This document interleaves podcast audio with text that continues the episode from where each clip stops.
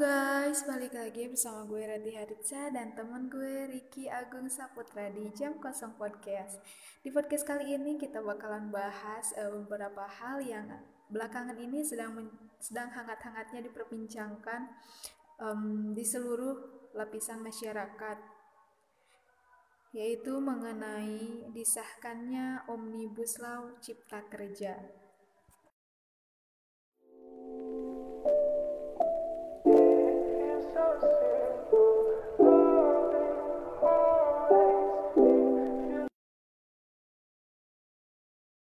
Nah, gua mau tanya sekarang. Satu kata dari Omnibus Law itu apa menurut lu? Satu kata aja. Atau bebas sih, menurut pandangan lu, sudut pandang dari lu terkait Omnibus Law itu apa? Kalau menurut gue pribadi sih, setelah gue baca yang gue tangkap, jadi Omnibus Law itu merupakan suatu wadah atau tempat perkumpulan undang-undang um, yang dibuat untuk menggantikan undang-undang yang sebelumnya telah berlaku gitu loh. Kenapa di sini gue sebut bahwa omnibus law itu wadah? Ya karena um, omnibus law itu tidak hanya mencakup satu undang-undang gitu, melainkan lebih dari itu. Nah, gitu sih kalau secara sederhananya. Nah, kalau menurut lo Ki, sebenarnya omnibus law itu apa sih? Dari kacamata lu sebagai mahasiswa gitu. Coba dong. Gue mau tahu. Kalau dilihat dari segi definisi emang iya omnibus law itu seperti itu. Bahwasanya omnibus law ini adalah sebuah wadah yang mana banyak eh, apa banyak undang-undangnya gitu. Maka dikemas dalam sebuah yang namanya omnibus law.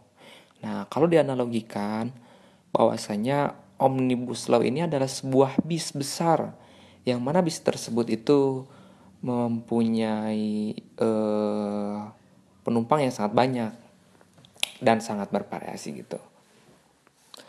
Nah, dalam sebuah omnibus law ini jadi uh, esensinya itu bukan berarti kecil gitu loh undang-undangnya itu. Jadi banyak itu undang-undangnya. Nah, dari tiga di antaranya yang termasuk ke dalam Omnibus Law, kenapa RUU Cipta Lapangan Kerja atau yang kita sebut RUU Cilaka menjadi salah satu, eh, bukan salah satu, menjadi satu-satunya maksudnya, menjadi satu-satunya RUU yang kontroversial dan mendapat eh, penolakan begitu kerasnya dari seluruh lapisan masyarakat. Dan sebenarnya eh, RUU Cipta Kerja itu mengatur apa aja sih sehingga uh, mendapatkan penolakan sebegitu kerasnya terutama kan dari kaum buruh dan para mahasiswa gitu. Nah, kalau kita ketahui bahwasanya yang paling kontroversial itu yang sekarang-sekarang itu dan sebelum-sebelumnya itu terkait uh, eh, RUU Cipta Kerja namun sekarang udah berubah menjadi undang-undang karena udah disahkan gitu nah kenapa e, cipta kerja ini sangat kontroversial karena memang di dalam sebuah pasal-pasalnya itu yang saling bertentangan dan juga dapat e, ada apa ya ada permasalahan-permasalahan gitu dari segi buruh dan para mahasiswa dan lain-lainnya gitu. Nah, yang pertama uh, apa kewenangan presiden mengubah undang-undang lewat PP. Nah, maksud di sini uh, jadi maksud walaupun ini sebelumnya itu belum diklarifikasi bahwasannya ini uh, apa masuk ke dalam RU Cipta Kerja poin pertama ini. Nah, ini udah diklarifikasi bahwasannya katanya ini adalah poin dari sebuah tifo, typo gitu katanya. Bahwa salah kata katanya Nah, perlu kita ketahui bahwasanya ketika ketika kalau misalkan salah kata pasti dalam perspektif eh, kalimat kita satu kalimat atau satu huruf gitu yang typo-nya tersebut. Tapi ini mencakup ke dalam sebuah satu pasal gitu nah.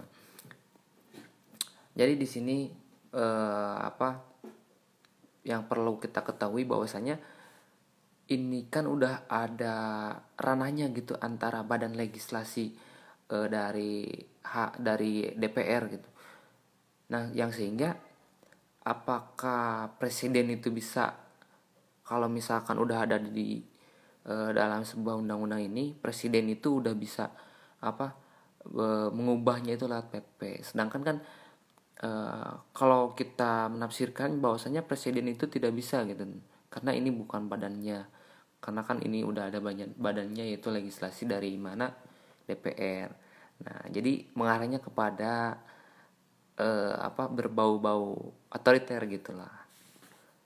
Nah, dan selanjutnya juga ada pasal 89.22 tentang hari kerja buruh.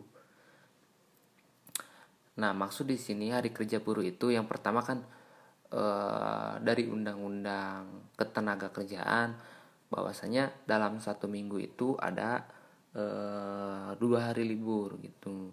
Nah, sekarang dalam pasal 89.22 tentang hari kerja buruh menjadi dalam satu minggu menjadi enam hari kerja satu hari kerja libur gitu loh. Jadi intinya seperti itu. Dan juga ada pasal 89.20 tentang lembur yang diaturnya itu dan juga ada pasal 89 poin 24 tentang upah minimum. Jadi maksud upah minimum di sini upah menurut uh, gubernur gitu loh. Dan selanjutnya ada pasal 89 poin 45 tentang pesangon. Nah, jadi maksud tentang pesangon ini jadi ada batasannya gitu ketika uh, seorang buruh melakukan suatu pekerjaan dalam jumlah beberapa hari gitu loh. Nah, di sini. Dan selanjutnya ada pasal 92 tentang bonus tahunan. Dari semua hal yang lu jelasin tadi, seenggaknya gue uh, menggarisbawahi tiga hal. Yang pertama, dengan dihapusnya pasal 59, menurut gue itu uh, sangat bertentangan dengan HAM sih karena uh, karyawan jadi kehilangan kebebasannya gitu karena terikat kontrak seumur hidup tadi gitu.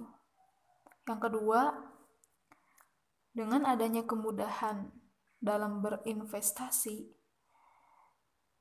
ini sangat uh, menguntungkan sebelah pihak gitu, yaitu para investor yang punya uang. Jadi kesannya tuh kayak uh, yang kaya makin leluasa yang melarat ya makin sekarat gitu loh. Kemudian yang terakhir uh, terkait aturan lima hari kerja yang dihapus. Ini parah sih. Kesannya tuh jadi kayak mengeksploitasi manusia banget gak sih? Bayangin aja dalam seminggu kita dikasih ya dalam enam hari kerja kita hanya dikasih waktu satu hari libur dalam seminggu gitu nggak kebayang sih itu Nah, jadi Omnibus Law ini adalah metode untuk merapikan undang-undang yang sebagaimana sering kali ada kontradiksi antara undang-undang, maka tetapi yang terjadi di kita itu bukan kepentingan-kepentingan ekonomi sebenarnya. Yang sehingga terjadinya itu adalah keributan interpretasi gitu loh pada nilai dari awal bahwasanya inti dari Omnibus Law itu untuk memanjakan cipta lapangan kerja. Nah, begitu katanya. Nah, jadi aturan ini dibuat untuk mengakomodir aturan terlama yang dinilai terpecah-pecah dan untuk menghambat sektor ekonomi untuk berkembang. Nah, menurut gua menilai dari uh, undang-undang Omnibus Law Cipta Kerja ini bukan cara terbaik untuk meningkatkan investasi dan menciptakan lapangan kerja kalau menurut gua. Jadi menurut saya uh, omnibus law ini merupakan cara terbaik untuk menghancurkan kesejahteraan para pekerja gitu loh. Karena apa? Karena kalau misalkan dilihat dari uh, perspektif perspektif poin-poin dalam sebuah pasalnya tersebut gitu jadi semacam kayak uh, apa buruh itu dieksploitasi gitu loh. Mungkin podcast kali ini cukup sampai sini aja dulu. Nanti dilanjutkan pada uh, part 2 gitu. Terima kasih. Oke okay guys, uh, rupanya podcast kali ini sampai sini dulu. Kita doakan semoga permasalahan ini uh, segera menemui titik terangnya dan kita doakan semoga Indonesia kembali membaik secepatnya. Sampai jumpa di podcast selanjutnya. Bye bye.